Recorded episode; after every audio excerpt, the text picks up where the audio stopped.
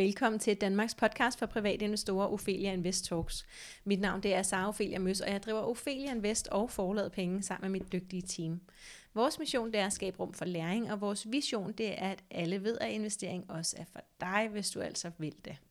Strukturen det er, at vi udkommer ugentligt om fredagen i cirka 30 minutter på nær de uger, hvor det af en eller anden grund giver mening, at vi ikke udkommer, som for eksempel i påsken, hvor vi også gerne vil holde fri. Vores sponsorer, vores hovedsponsorer, det er Nordnet og Spotlight Stock Market, og dagens tema, det er, jeg har valgt at kalde det porteføljeopbygning for øh, begyndere, men det kunne lige så vel have heddet noget omkring strategi, og det behøver heller ikke være, man behøver ikke være begynder for at få noget af det. Øhm, yes, så er scenen lagt. Det her, det er episode nummer 15.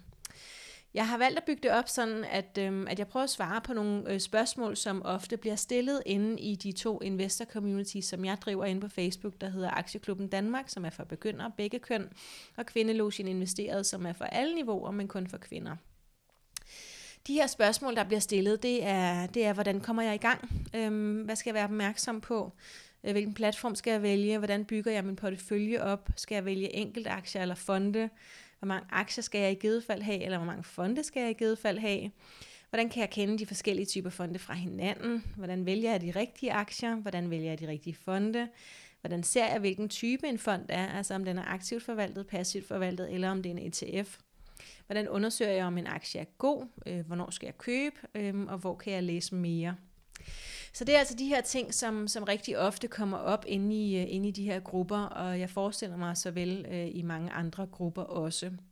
Fordi det bare er de her spørgsmål, man sidder med, når man øh, begynder at træde sin, øh, sin fødder ind på det her felt. Og jeg tænker, at, øh, at jeg bare kommer til at svare på de her ting. Så jeg starter fra en ende af, og så, og så forsøger jeg bare at svare på det. Ligesom vi også gør inde i de her grupper. Og der er det jo rigtig meget øh, uh, af folk, der hjælper hinanden. Øhm, så øhm, hvis der er en, der har et spørgsmål, så er der mange forskellige, der svarer. Så hvis du nu efter den her podcast episode er færdig, tænker, at du gerne vil have uddybet noget af det, eller at du har flere spørgsmål, som du ikke har fået nogen svar på endnu, øhm, så meld dig endelig ind i en af de her grupper, hvis du ikke allerede er det, og, øhm, og så stil dine spørgsmål, fordi så er vi rigtig mange, der gerne vil svare. Godt, så det første det er, hvordan kommer jeg i gang? Og, øh, og der tænker jeg, at vi lige starter med, hvad er det, vi skal være opmærksomme på til at starte med som hjælper os til at komme øh, ordentligt øh, fra start. Øh, så for det første, så, øh, så, så det er det her med investorprofilen, og der er fire punkter. Det første, det er tid til rådighed. Hvor meget tid har jeg, jeg gerne vil bruge på det her? Er det noget, jeg gerne vil sidde med 8 timer om dagen? Øh, er det måske en time hver aften? Er det en time søndag aften kun? Er det måske noget, du gerne vil kigge på en gang i kvartalet, eller vil du gerne faktisk bare bruge så lidt tid på det som muligt, men bare sætte det op en gang for alle, og så måske lige tjekke ind på det, øh, lad os sige sommer, øh, i sommerferien, øh, og bruge en, en enkelt dag på at justere, eller måske bare en time. Det hele kan lade sig gøre, det er bare vigtigt, at vores strategi bliver lagt, øh, sådan så det giver mening. Det næste det er tidshorisonten. Er det her penge, som vi skal bruge om et år? Øh, måske til en rejse jorden rundt, eller er det øh, penge, vi skal bruge til et bryllup om to år, eller måske indskud til en lejlighed om tre eller fem år. Det kan også være det penge til vores pension, som, som vi skal bruge om 10, 20, 30, 40 år. Igen, det hele er lige fint. Det er bare vigtigt, at vi har det for øje, når vi lægger vores strategi. Så er der det med pengene. Hvor mange penge skal man bruge for at investere? Øhm, og, øh, og der plejer jeg jo at sige, at du kan investere for 100 kroner. Hvis det er 100 kroner, du har, og måske 100 kroner om måneden, øh, så er der værktøjer til det. Øhm, og igen, det er lige så fint som alt muligt andet. Alle kan komme i gang. Det her det er vidderligt for alle. Hvis man har 500 kroner om måneden, så skal man måske vælge en strategi. Har man øh, 2500, man kan lægge til side af sin løn, en anden strategi. Har du 10.000 kroner, du kan lægge til side om måneden, en tredje strategi. Øh, og er det i stedet for et månedligt beløb, måske en pose penge, altså en arv, eller penge, du har øh, fået øh, fra noget ejendomssalg eller andet, så, øh, så er der måske en anden strategi til dig. Det sidste og fjerde, det er vores risikotolerance. Kan vi, øh, hvor meget kan vi klare? Øh, jeg mistede, eller ikke mistede, men mit depot gik ned 30.000 kroner på et par timer en eftermiddag for et par år siden. Øh, og det var fordi, jeg var enormt eksponeret inden for tech-sektoren, øh, og, og så skete der nogle ting der, så pengene rykkede fra tech over i finanssektoren. De her 30.000, som, som jeg gik ned i mit depot, det kunne jeg godt rumme. Jeg sov fint den nat. Jeg var nysgerrig på, hvad der var, der var sket, og jeg øh, gik hjem og jeg researchede en hel masse, og sad muligvis også hele natten og kiggede på det. Øhm, men, men jeg havde det altså øh, okay. Og så er der andre, der, øhm, som ville synes, at det havde været det mest horrible i hele verden, øh, og ville, øh, ville have svært ved at, øh, at være i den situation. Og øhm, igen, det er fint, begge dele. Kan du klare øh, høje udsving, eller har du ikke lyst til, at der skal være så store udsving, så er det bare om at lægge sin strategi efter det og bygge porteføljen op efter det.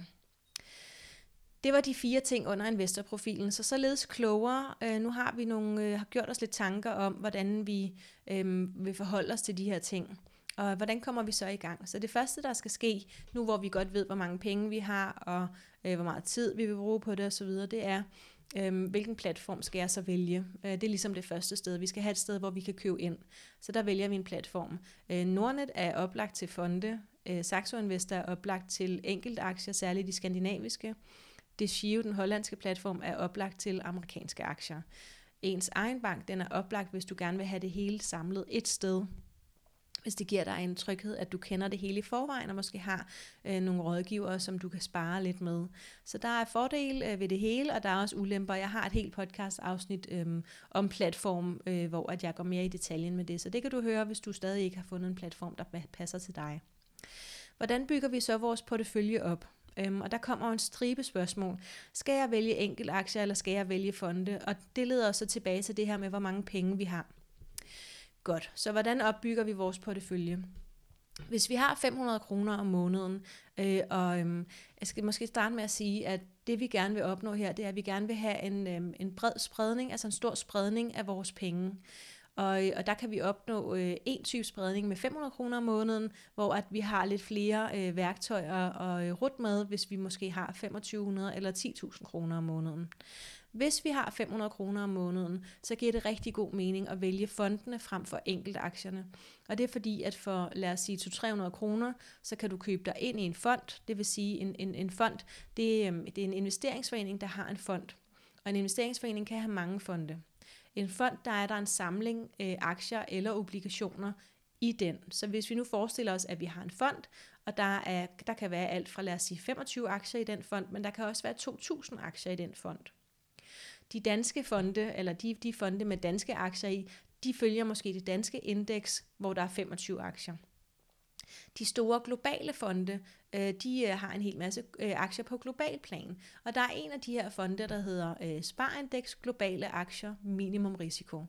Det vil sige, at det er en fond med aktier i, der er meget lav risiko, så det vil sige, at de vælger øh, nogle aktier, hvor der ikke er så store udsving, og det er der så nogen, der synes, der er rart. Øhm, i den her specifikke fond, Sparindex Globale Aktier Minimum Risiko KL, i den specifikke fond, der er der 1600 aktier. Den koster omkring 200-300 kroner. Så det vil sige, for et fondsbevis, det hedder det, når man køber sig ind i en fond, så får man et fondsbevis øh, modsvarende en aktie. Så det her fondsbevis, det, øh, det, det kan du få lov til at købe for 200-300 kroner. Og, øh, og når du ejer det, så, øh, så ejer du en lille bitte øh, snas af 1600 virksomheder øh, øh, spredt ud over hele kloden. Det vil sige, at du opnår en meget, meget stor spredning for meget, meget få midler. Så hvis vi har øh, mellem altså øh, 500 kroner eller måske 1000 kroner at investere for i alt om måneden, så kan det være rigtig smart øh, at vælge de her brede øh, globale indeksfonde, fordi vi opnår en kæmpe stor spredning. Vi skal ikke gøre særlig meget for det. Hvis man øh, er den type investor, der har øh, et mindre beløb at investere, for jeg skal sige, man skal, øh, hvis man vælger Nordnet, så har de et værktøj, der hedder månedsopsparingen. Jeg har også lavet en YouTube-video om månedsopsparingen, hvis man skal have lidt hjælp til at finde den. Øh, der kan man få lov til at købe ind øh, i fonde for, øh, for meget, meget, øh, det, det er meget, øh, hvad hedder det, der er ingen cotages, det vil sige, det er gratis at handle derinde, øh, og man kan få lov til at vælge op til fire fonde. Øhm, og det positive det er, som sagt, at der ikke er nogen kutage. Øh, du skal have minimum 500 kroner for at handle der. Så hvis du har mindre end 500 kroner at handle for, så kan du for eksempel vælge øh, June eller Jyske Moneypot eller en af de andre seks øh, robo-advisors som er de her robotværktøjer, der investerer på dine vegne. De fleste af dem kommer i appformat, for eksempel June. Man downloader appen, og så siger man, øh, så svarer man på 10 spørgsmål, så vurderer den, hvilken risikoprofil man har. Så der skal man ikke lave så meget arbejde selv, der spørger den. Man svarer på de her spørgsmål, og, øh, og så siger den så, når man, øh, jeg vurderer, at du er middelrisiko, vil du køre videre med den profil, og så siger vi, ja, det vil jeg gerne, øhm, og så siger vi, jeg har 100 kroner at investere for om måneden, øhm, sæt i gang. Og så kører den bare, så investerer den for 100 kroner øh, om måneden på dine vegne, og det vil så typisk være i ETF, og det kan vi vende lidt tilbage til. Men hvis man altså har 100 kroner om måneden, så kan man vælge en af de her robo-advisors, og stadigvæk få de brede fonde. Har du 500 kroner, så kan du øh, investere gennem Nordnets øh, værktøj månedsopsparingen. Og her kan du så vælge mellem en og fire fonde. Så det er ligesom, øh, hvis du har 500 kroner, og ikke har lyst til måske at arbejde for meget med det her, ikke kigge for meget på det, bare gerne vil have en stor spredning med det samme, øh, så, er det, øh, så er det enten RoboAdvisors, hvis du har øh, 100 kroner, øh, eller det kan være øh, Nordnets månedsopsparing, hvis du har 500 kroner, eller opad. Godt. Øhm, hvis vi har flere penge end det, hvis vi nu siger, at vi har øhm, 3.000 kroner om måneden, eller 5.000 eller 10.000 kroner om måneden, som vi gerne vil investere for, øh, så har vi lidt flere muligheder. Øhm, vi vil stadigvæk gerne have en base, øhm, og nu skal jeg lige huske at sige, jeg er sociolog, jeg er ikke økonom. Jeg har beskæftiget mig med det her i et par år. Jeg har snakket med mange kloge mennesker, og jeg har hørt øh, øh, mange sige kloge ting. Øh, og det her det er sådan en akkumuleret øh, Øh, øh, informationsbase øh, af de ting, jeg har opsnappet selv, øh, og hvad jeg selv vil gøre. Øh, så jeg, er ikke, jeg kan ikke rådgive dig, jeg kender ikke din private økonomi, øh, og hvis du har flere øh, hvis der er noget, der ligesom er mere komplekst i din økonomi, øh, så, er det, så vil jeg foreslå, at du måske snakker med nogen, der ved mere om det. Det kunne være en uvildig rådgivning, en revisor eller noget andet. Øh, så hvis du for eksempel har et selskab, hvor du gerne vil investere pengene for, øhm, eller øh, har nogle særlige andre skattemæssige forhold, du skal forholde dig til, øhm, så, så måske lige få nogle andre med ind over. Hvis du bare har sådan en helt almindelig privat økonomi, eller din egen økonomi, øh, og der ikke er nogen særlige forhold, der gør sig gældende, øhm, så det er ligesom den situation, jeg er i. Og jeg fortæller dig nu bare, hvad jeg vil gøre. Så hvis jeg havde, øh, lad os sige, 5-10.000 kroner, så vil jeg stadigvæk gerne have en base af de her brede indeksfonde. Men jeg vil måske også godt krydre det med nogle enkelte aktier. Og når det er, at vi skal ud og vælge enkelte aktier, øh, så er det rigtig vigtigt, at vi ikke tror, at vi kan en hel masse mere, end vi kan, særligt i starten.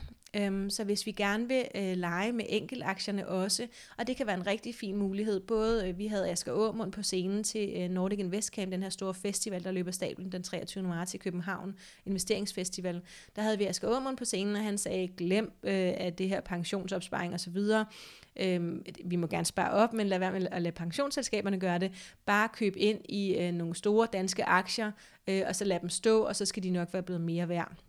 Samme strategi øh, anbefaler øh, flere økonomiprofessorer inden for Copenhagen Business School, blandt andet Michael Møller, som siger, vælg 10 store danske aktier, behold dem, lad det være det.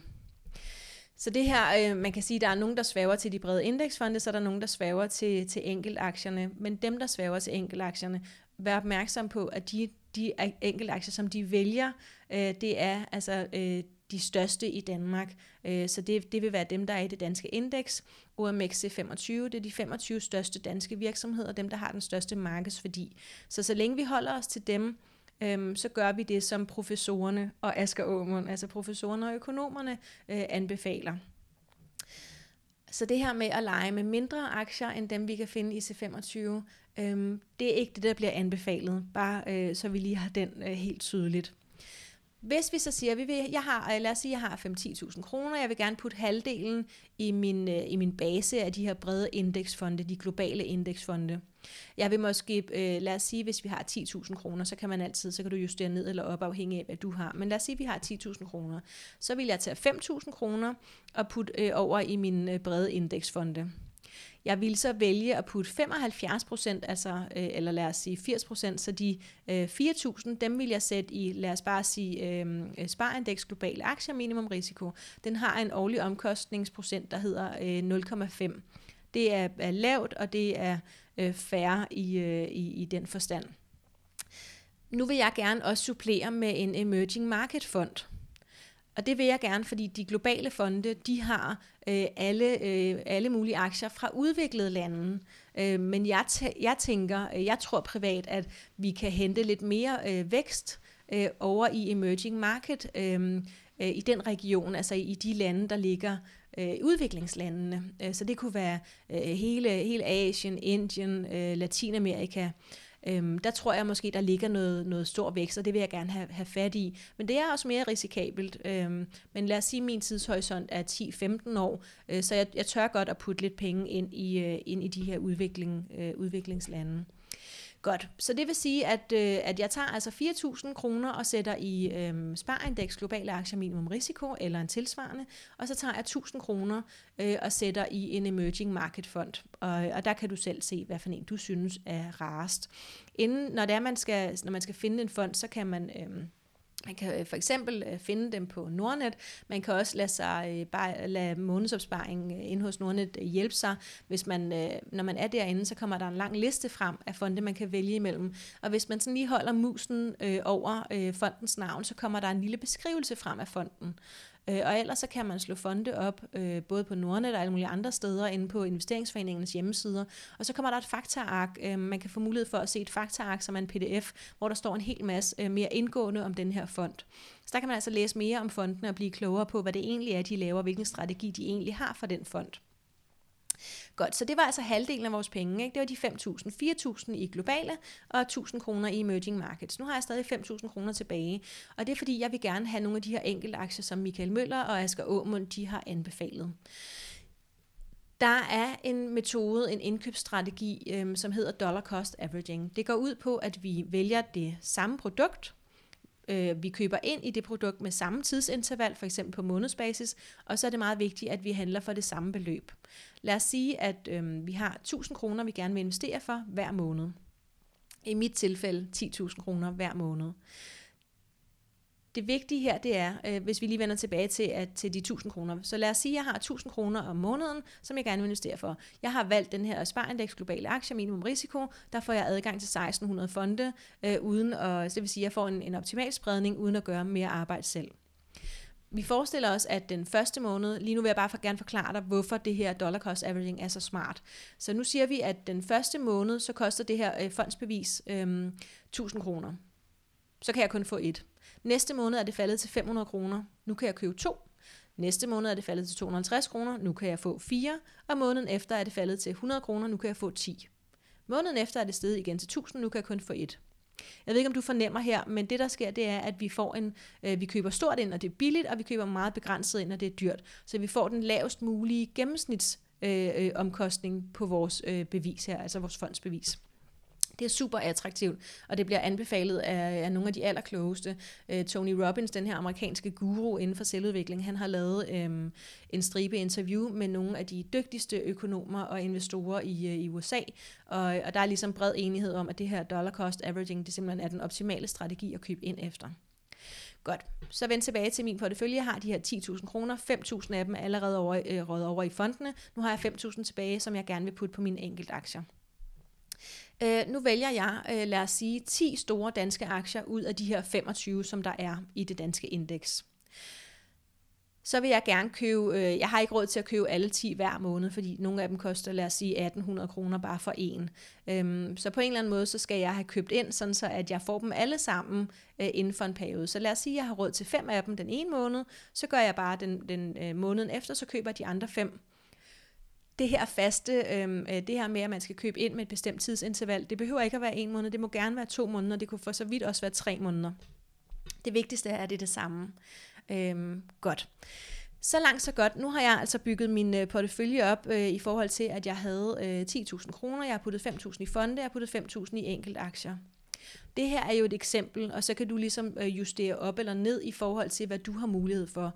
Hvis du nu har 6.000 kroner at investere for måneden, eller 5.000 kroner at investere for måneden, så kan du putte, lad os sige, 2500 i fonde og 2500 i enkelte aktier. Så er det måske lidt meget at skulle købe ind i 10 store danske aktier, så kan det være, at du måske bare vælger 5 store danske aktier. Det kan også være, at du vælger at putte det hele i fondene. Øhm, du kan også vælge at putte det hele i enkeltaktierne, men så får du ikke den her store, brede bund, øh, lad os sige robrødet øh, for neden, øh, som altså nogen mener er, er rigtig, rigtig attraktivt. Mit næste spørgsmål her, det var, skal jeg vælge enkelt aktier eller fonde? Men det tænker jeg har svaret på. Øhm, vi kan måske lige øh, knytte en kommentar til det. Det er, øhm, fondene øh, er optimale, hvis det er, at du ikke har lyst til at bruge noget tid på det her. Hvis det bare ligesom skal køre, øh, at du øh, får lavet dig en lækker investeringsopsparing i aktiemarkedet, øh, men du ikke skal sidde og bruge en hel masse tid på det, så er fondene rigtig, rigtig smarte. Enkeltaktierne, det er mere, hvis, øhm, selvfølgelig hvis du har de her 5-10.000 kroner om måneden, du kan vælge, du siger, jeg skal ikke have så meget råbrød, jeg går bare direkte til pålæg, og så skal jeg have rigtig meget lækker pålæg. Øhm, og, og, og det er fint, hvis du gerne vil det. Det kræver, at man har lidt flere penge at investere for, øh, og at man bruger øh, noget tid på det. Øhm, særligt hvis det er, at man bevæger sig ud for de øh, største 25 øh, danske aktier.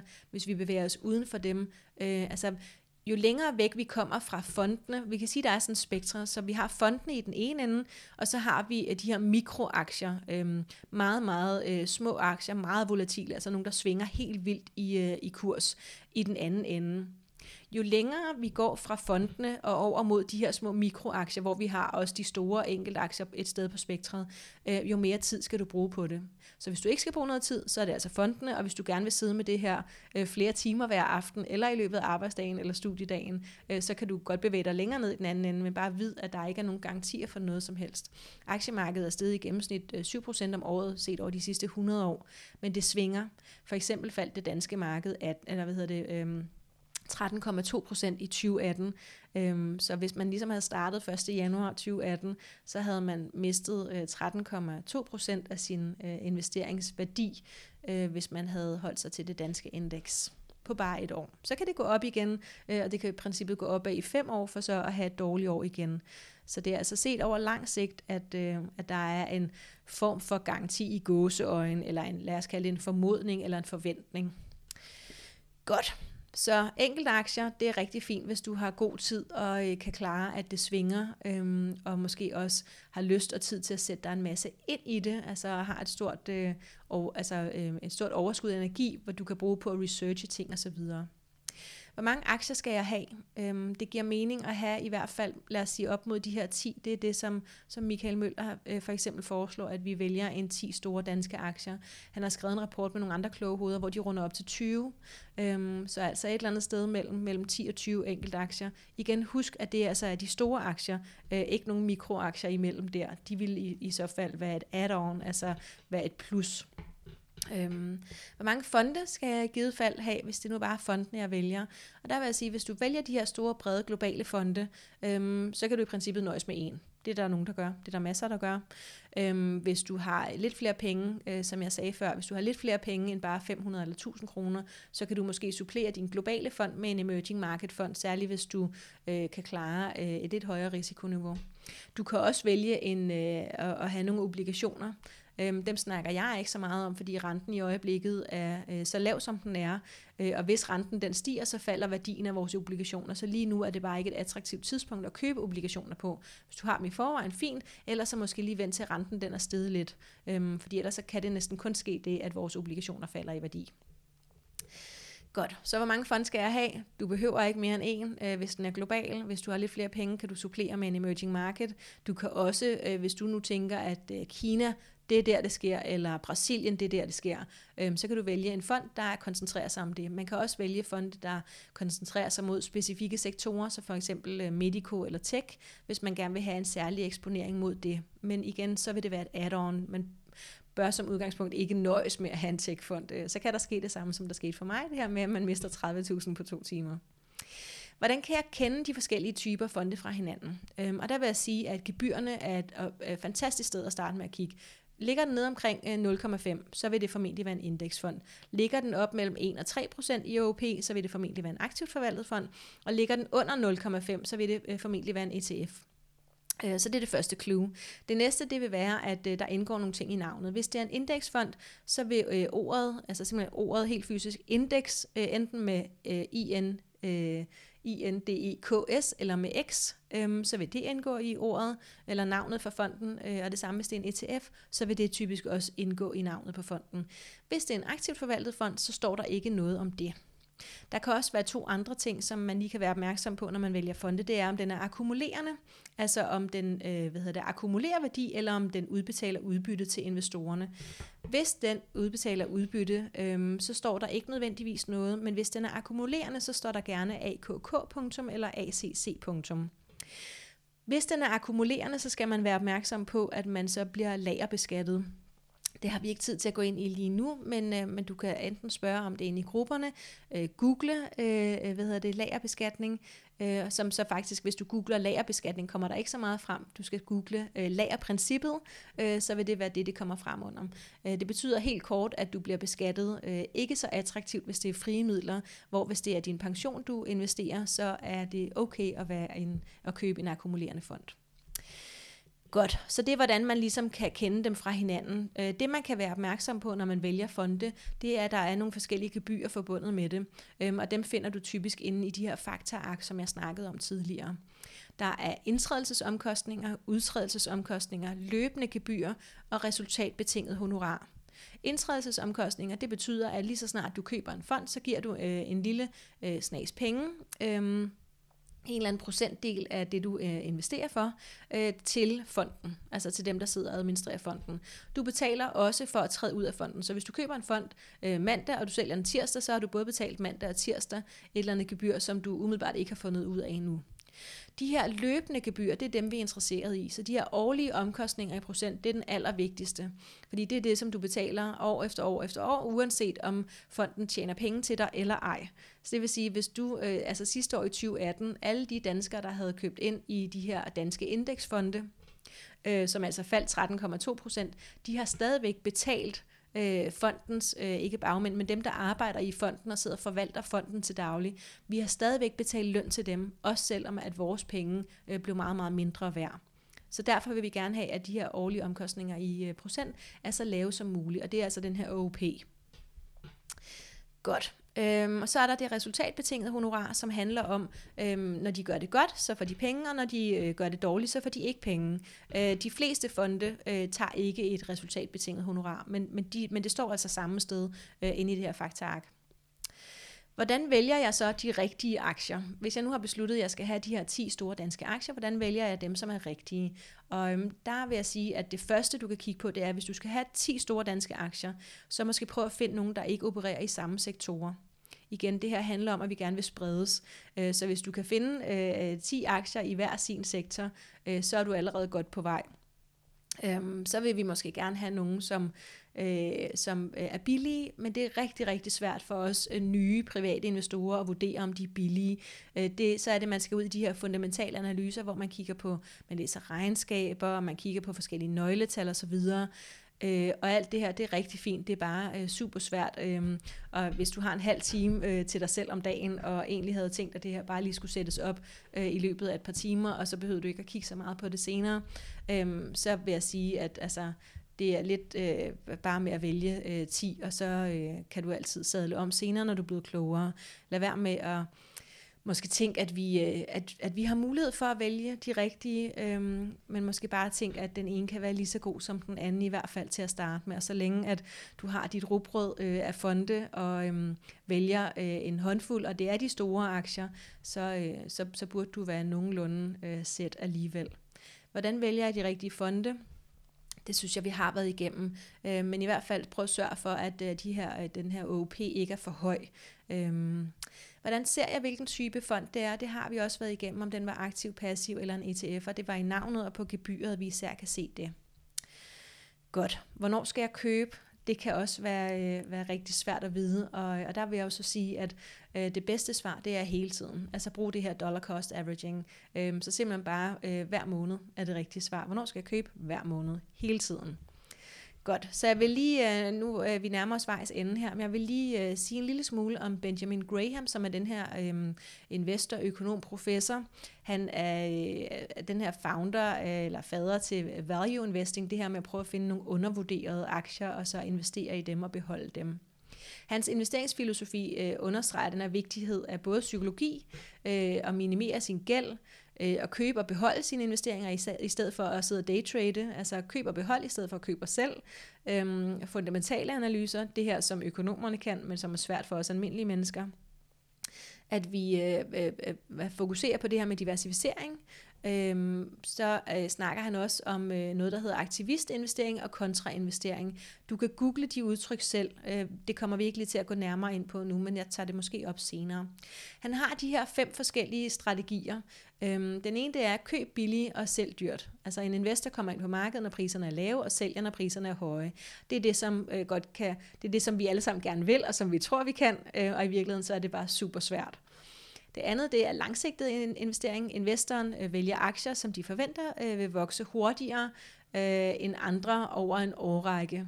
Øhm, så det er altså at prøve at, at vælge, lad os sige, øh, DSV i stedet for Pandora, under forudsætning af, at, eller tanken af, at, at, at hvad hedder det, Pandora vil klare sig dårligere end DSV på lang sigt. Value investing, øhm, investoren vælger aktier, der er prissat under deres sande værdi, øh, som man så kan måle øh, på nogle forskellige teknikker. Der er skrevet masser om value investing, og for eksempel Warren Buffett øh, er en af dem, som benytter den strategi.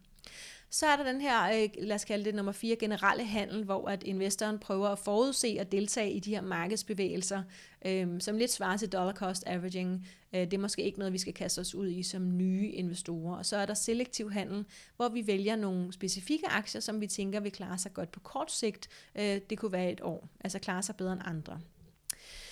Øhm, ja, Helt kort vil jeg lige sige min egen strategi. Jeg vil gerne være aktiv investor. Jeg synes, det er sjovt, og jeg har øh, en okay øh, veludviklet øh, sans for overblik, øh, som gør, at jeg kan følge med, øh, og en risikotolerance, som øh, kan lade mig vinde og tabe med nogenlunde samme sind. Kun nogenlunde, men, øh, men så langt så godt.